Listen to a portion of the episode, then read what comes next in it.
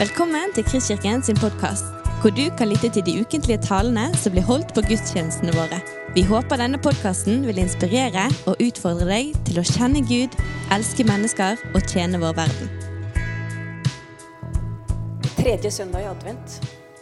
Og neste søndag, som vi hørte, så er det julaften.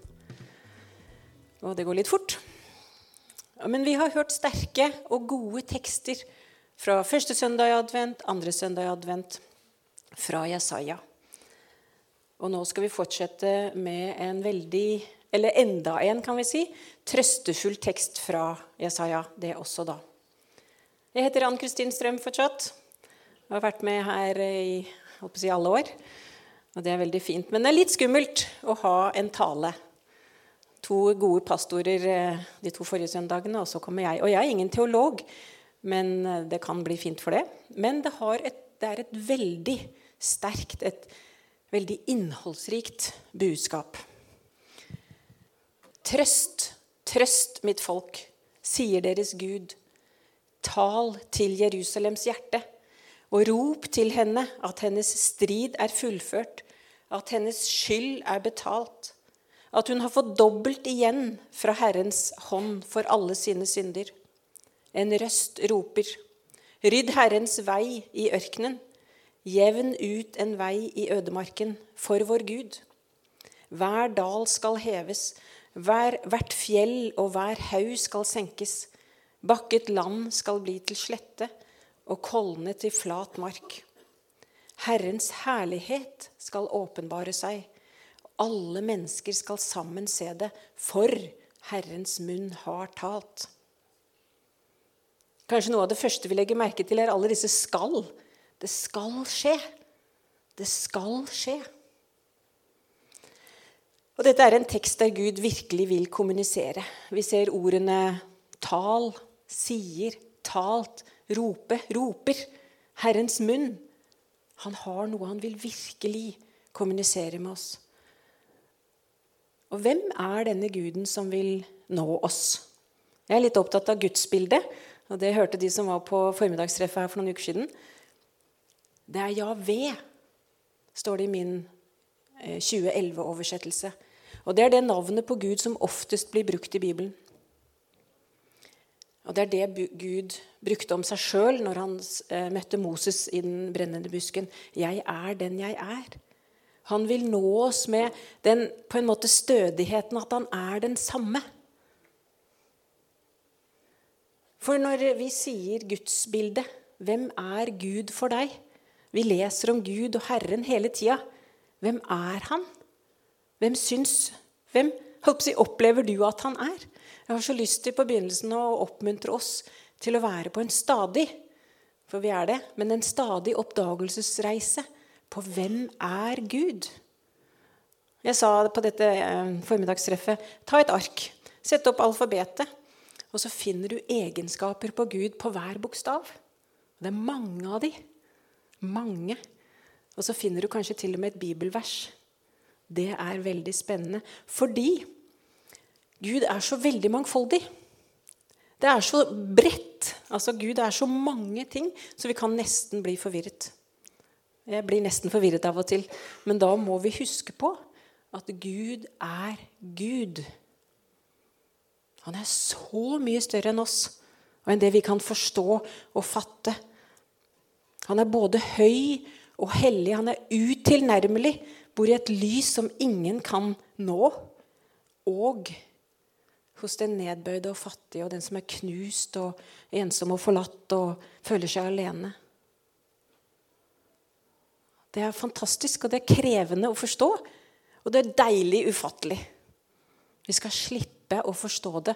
Eller som eh, Håvard så fint sa det for noen uker siden, vi skal slippe å skjønne men vi skal få lov til å kjenne. Så det var en liten eh, i begynnelse, en oppmuntring til kanskje en julesamling. Eh, ta et eh, ark med alfabetet. Hvem er det i denne teksten som roper? Hvem er Gud i denne teksten? Han er en som trøster. Han er en som taler vennlig. Han er relasjonell. Han snakker om 'mitt folk'. Han er en som roper ut. Han er også dommer. Han er nådig, tilgir, gir håp. Han er omsorgsfull. Og ikke alle disse ordene står i teksten, men egenskapene er tydelige allikevel. Han er verdig til å bli ryddet vei for. Han er full av herlighet, og han kan og vil nå alle mennesker. Og I Lukas 3,4 så står det den samme teksten gjengitt, men der står det at eh, ikke at Herrens herlighet skal åpenbares, men at Herrens frelse skal åpenbares for alle mennesker. Det syns jeg er ganske spennende. Ok, Gud er en Gud som trøster. Jeg begynner der. Og allerede nå vi hørte vi ba for de i krig. Vi, vi trenger trøst. Jesaja er en profet som både taler om dom og om trøst. Dom fordi Israel eh, var ulydig og drev med avgudsdyrkelse. De ble bortført til, eh, til Syria, eller eh, Syria og fangenskap i Babylon og sånt. Men så kommer Gud, eller via Jesaja, med trøst. Det er nok. Det er et veldig trøstebudskap, og vi får lov til å være i den teksten. Og Vi ser et veldig sterkt budskap av Messias, og han komme. Og, og, her, der får vi lov til å ta del. Dette var til Israel, men det er også til oss. Og Jeg kunne jo hatt en lang preken om Israel i dag. De trenger også trøst. La de få lov til å se trøsten i Messias. Men vi har fått lov til å se Jesus allerede. Og vi får lov til å lene oss på Jesus i tunge tider og i gode tider. Jesus som er trøsteren. Og alle av oss trenger trøst av og til. Livet er ganske tungt. Kan være. Det er si, alvorlig. for å si det sånn. Livet er krevende. Det er smertefullt. Det er vondt av og til. Det kan være brudd på relasjoner barn, voksne, foreldre, naboer Altså hva som helst. Det kan være mm, tap av helse. Sorg ved dødsfall. Tap av jobb. Livet er, kan være krevende. Og vi trenger trøst. Og det er det ikke noe gærent i. Det er ikke noe gærent i å ha behov for trøst. Av og til så kan vi tenke at å nei, ja, selvmedlidenhet og, og trøst kan se like ut. Men det er de ikke. Selvmedlidenhet skal vi være forsiktige med, for det på en måte krøker deg inn i deg sjøl, og, og, du tapper deg for energi, tror jeg. Mens trøst, ekte trøst, det kan være med å litt og litt gi liv. Åpne deg litt, på en måte. Det er stor forskjell på trøst og selvmedlidenhet.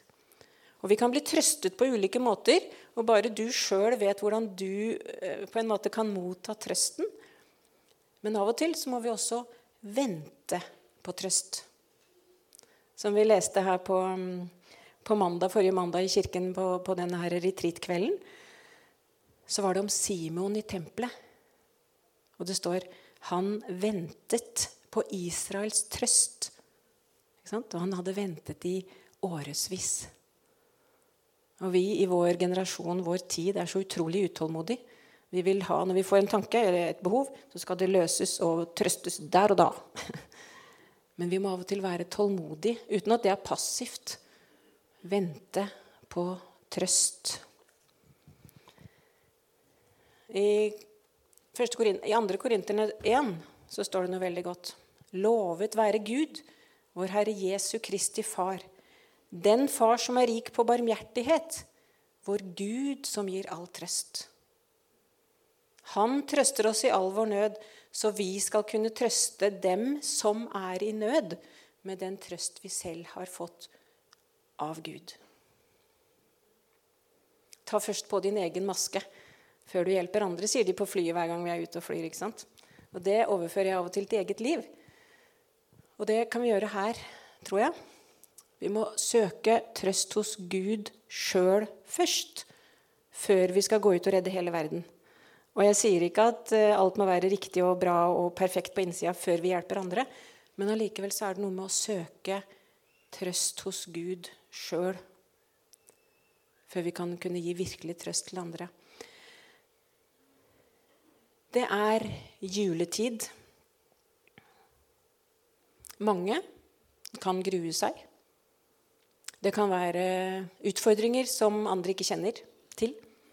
Som vi ikke har delt med andre. Det kan være økonomisk, sosialt eller andre utfordringer som er tunge, som er vanskelige. Kan det være sånn at Gud vil minne oss, en og en, på noen vi skal trøste? Jeg fikk en tanke om at vi skal være noen sekunder stille akkurat nå og jeg ber en liten bønn før vi går videre. Far, du er den som kan gi oss trøst, og vi ønsker å gi den videre. Minn oss på hvis du vil gi oss et navn som vi kan trøste.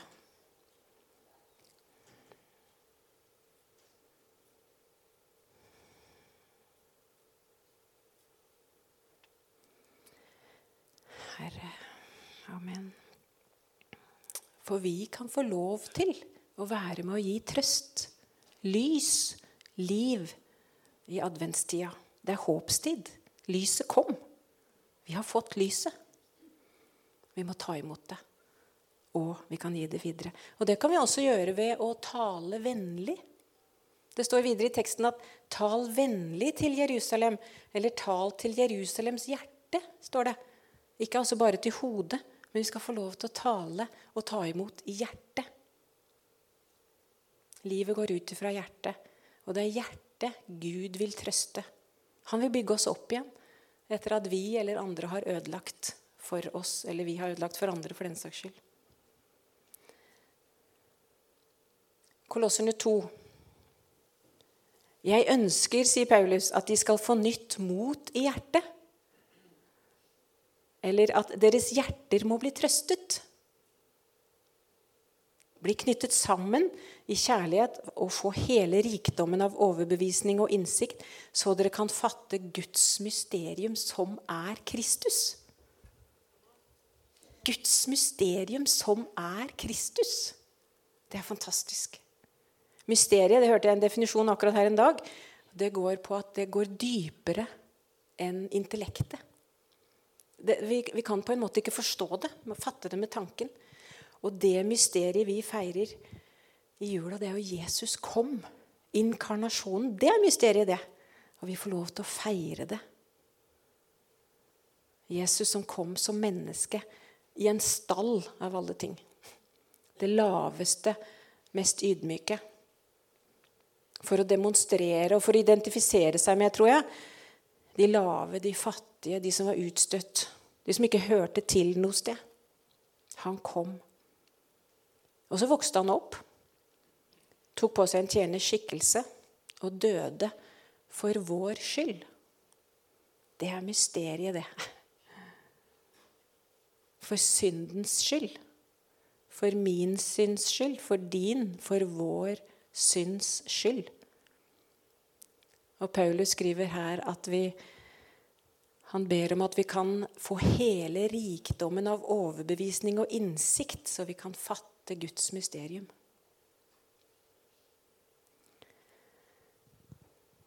Så Gud kan trøste alle som tror, og alle som venner oss til ham, fordi skylden er betalt.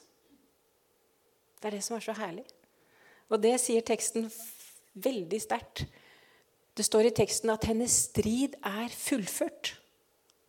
Hennes skyld er betalt. Hun har fått dobbelt igjen fra Herrens hånd. Og det er i den sammenhengen vi ser Jesaja 53. Han ble såret for våre overtredelser, knust for våre misgjerninger. Straffen lå på ham for at vi skulle ha fred, og ved hans sår har vi fått legedom. Det er betalt. Og Da kan vi lese dette. Dere var døde det er Kolossene 2. Dere var døde på grunn av misgjerningene og deres uomskårne kjøtt og blod. Men han gjorde dere levende. Sammen med Kristus, da han tilga oss alle våre misgjerninger. Gjeldsbrevet mot oss slettet han, det som var skrevet med lovbud. Han tok det bort fra oss da han naglet det til korset. Han kledde maktene og åndskreftene nakne og stilte dem fram til spott og spe da han viste seg som seierherre over dem på korset. Dette er vår Gud. Han som trøster oss med all trøst. Så vi kan trøste andre. Så vi kan rope det ut for andre. Jesus gjorde opp for oss på korset. Kjenn på det, da. Jesus. Jesus gjorde opp for oss. Han betalte. Skammen er tatt bort. Og vi må ta imot. Vi må ikke forakte nåden. Gud er en Gud full av nåde. Vi er ikke lenger foran lovens trone, der hvor skam og skyld og lovbud og lenker bestemte. Vi er foran nådens trone. La oss frimodig tre fram for nådens trone, så vi kan finne barmhjertighet og finne nåde som gir hjelp i rette tid. Vi må ikke forakte nåden. Har du noen gang straffet deg sjøl mer enn Gud straffer deg, på en måte? Og ikke tatt imot nåden? Ikke tilgi deg sjøl? En liten historie her jeg kom på når jeg drev og forberedte meg. Jeg var på en retreat en gang, og det anbefaler jeg jo alle. Det kanskje mange vet. Det er godt og lurt. Denne retreaten her var åtte-ti dager. Det var en såkalt taus retreat. Og um, jeg strevde mye med noen tanker som var kommet opp i, i hodet mitt. Jeg visste jeg hadde handlet galt. Det var synd. Og synden var for så vidt gjort opp for mange mange år siden. Men jeg strevde med tankene. Og jeg var så frustrert, og jeg var så sint på meg sjøl og på Gud. Og så Dette her var en retreat med, med sånn her veiledning, så jeg snakket med en dame der hver dag. Og jeg sa jo dette her, og eh, hun eh, snakket om barmhjertighet, om nåde, om ømhet. Og så ømhet, da. Noe så klissete, tenkte jeg. Noe så mykt. Nei, jeg ble bare mer sint, også på dama. Så sa hun at jeg kunne gå en tur innover i skogen. Kunne ta med en tusj og plukke opp steiner. Og skrive det jeg hadde å si, på en måte mitt, mitt sinne, eh, på steinene. Og kaste de innover i skogen. Og jeg gikk. Og jeg plukket opp én stein og skrev, og kastet. Og jeg hylte. en til. En til. Og jeg var ikke lavmælt. Jeg følte meg eh, det, det, det, var ikke noe greit. Så kom jeg til et kapell der borte og gikk inn. Og der så jeg et ikon av Maria og Jesusbarnet. Og ble møtt av en sånn barmhjertighet som det ikonet formidlet. Og ømhet. Det var en så sterk opplevelse. Og da hadde jeg jo på en måte også kastet av meg noe sinne og Ja, sinne. Jeg ble masse møtt med ømhet, nåde, barmhjertighet. Og jeg klarte, ved Guds nåde, å ta imot. Lyset skinner i mørket. Det er det som er jul. Og det er betalt. Vi kan ha fred med Gud. Hvorfor? Fordi det er betalt. Hør, det er betalt. Hvem betalte? Det er Jesus. Bare lukk øynene hvis du vil, og kjenn. Jesus betalte. Jesus. Takk. Herlig. Jeg tenkte på når jeg skulle forberede meg her, før jeg hadde fått teksten, så, så vil jeg egentlig snakke om Jesus uansett hva teksten handlet om. Og det går jo bra i den teksten her, da. I tidens fylde sendte Gud sin sønn født av en kvinne og født under loven. Han skulle kjøpe fri dem som sto under loven, så vi kunne få retten til å være Guds barn. De som tok imot ham, dem ga han rett til å være Guds barn. Og igjen han ble såret for våre overtredelser, knust for våre misgjerninger. Straffen lå på ham for at vi skulle ha fred. Ved hans sår har vi fått legedom. Det er sammenhengen dette står i. Jeg har lest gjennom alle salmene i salmeboka i juletiden. Altså det som står på jul. Og det er lurt. Det er fantastisk mange gode vers. Jeg skal referere ett her nå. I denne søte juletid bør mann seg rett fornøye og bruke all sin kunst og flid. På hva da? På å vaske og shoppe og saker og ting? Nei. Bruke all sin kunst og flid. Guds nåde og opphøye. Er det ikke herlig? Og Et ledd i den eh, saken der med å opphøye nåden, det tror jeg vi må si er å rydde vei. En røst roper 'Rydd vei for Herren i ørkenen'. Og det er advent, og vi forbereder oss. Og det er ikke hvem som helst. Det er ikke en romersk keiser. Det var da de ropte ut dette her. Advent, rydd vei. For det kommer noen store. Og nå er det Jesus som kommer. Og på en måte, Han har jo kommet til oss, da. Men vi kan allikevel bruke adventstida på å rydde vei. Det er viktig. Herren kommer. Tenk åssen det var å være budbringer i Norge for to, 200 år siden og mer. Da var det dårlig med veier. Det var vanskelig å få fram posten eller budskapet. Noen ganger umulig. Og vi må spørre oss sjøl hva er det i mitt liv som er hauger og bakker og haug, eller hva er det det står, fjell og daler? Kanskje stort og stolt som reiser seg mot kunnskapen om Gud. Hva er det som gjør at Gud kanskje ikke har en rett vei inn i hjertet mitt? Eller er det noen i familien eller i vennekretsen som det er lukket? Kan vi være med å rydde der? Eller snakke om veien inn til Norge? Der er det kommet mange nye fjell i vår generasjon. Og jeg tror vi kan kalle noen av disse bakkene og haugene for sår eller synd. Blant annet. Og I hverdagslivet vårt så får de veldig forskjellige uttrykk. Jeg må rydde opp i det og det, og du må rydde opp i noe helt annet, kanskje. Det kan være eh, synd som bekymrede eller urene tanker, scrolling på mobilen, eller som jeg sier av og til 'Jeg skal bare'. jeg skal bare. Det og det. Før kanskje jeg setter meg med Jesus alene. Men Jesus sier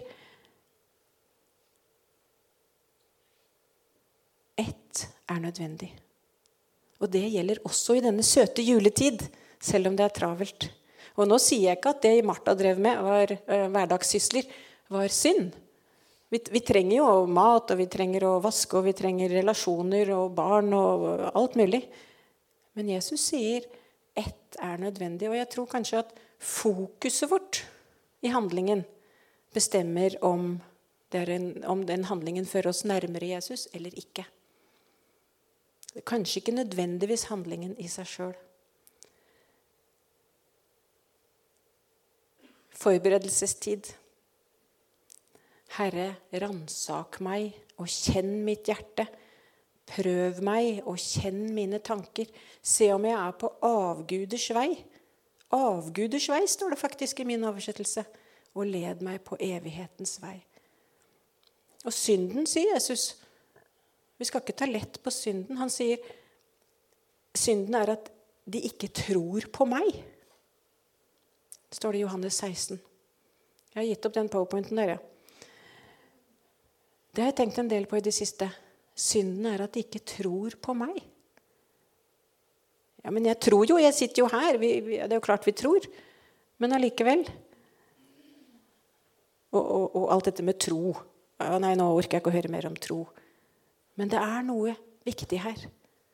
La Ånden først og fremst da, vise deg hva som er synden i ditt liv. Ikke la meg legge byrder på deg. En forberedelsestid Det er en tid med faste, egentlig. Lilla. Jeg hadde glemt det, jeg. At lilla er jo botsfargen. Det er jo derfor vi pynter med lilla lys. Har du tenkt på det i det siste? Ja, sikkert, men ikke jeg. Rydd vei. Rydd vei. Og Om Johannes så står det at han skal gå foran Herren og rydde hans veier og gi hans folk å kjenne frelsen når deres synder blir tilgitt. Så det å rydde vei betyr å sørge for å fjerne alt som vi kan snuble i, som hindrer vår frelsesvandring. Gjør døren høy, riv stengsel ned, i hjertets rom for ham bered. Så kommer ærens konge sterk og fremmer i deg alt Guds verk. Vi kan ikke gjøre det sjøl. Vi må ha hjelp. Og Det er et paradoks. Vi må rydde, men vi må ha hjelp. Den hellige ånd må hjelpe oss. Og vi må ta imot. Og liksom Jan Terje så fint skrev her i en adventsrefleksjon livet handler mer om å ta imot enn å ta seg sammen. Det var veldig fint sagt. Siste sak her, dette med Guds herlighet. Herrens herlighet skal åpenbare seg, og alle mennesker skal sammen se det. Og Det var det som drev Hans Nilsen Hauge, som kanskje er veiridder nummer én i Norge. Herrens herlighet, det var det som drev han. Han ville se mer av det. Og den skal åpenbare seg, står det, fordi Herrens munn har talt. Det er garantien. Det er på en måte festet. Det er, det er tryggheten. Jeg syns ordet 'herlighet' er, jeg bruker det ofte. Å, herlig, sier jeg. og det er noe stort. Og jeg tror vi har sett en del av det. Vi kan ha sett en solnedgang, en stjernehimmel, en vakker liten blomst eller et fossefall. ikke sant? Vi har, vi har sett mye i skaperverket. Til og med en stein kan jo være vakker. Og så har vi kronen på verket, et menneske. Du kroner ham med ære og herlighet. Så vi har sett litt. Men jeg tror at vi har masse mer å innta. Og det er i Jesus.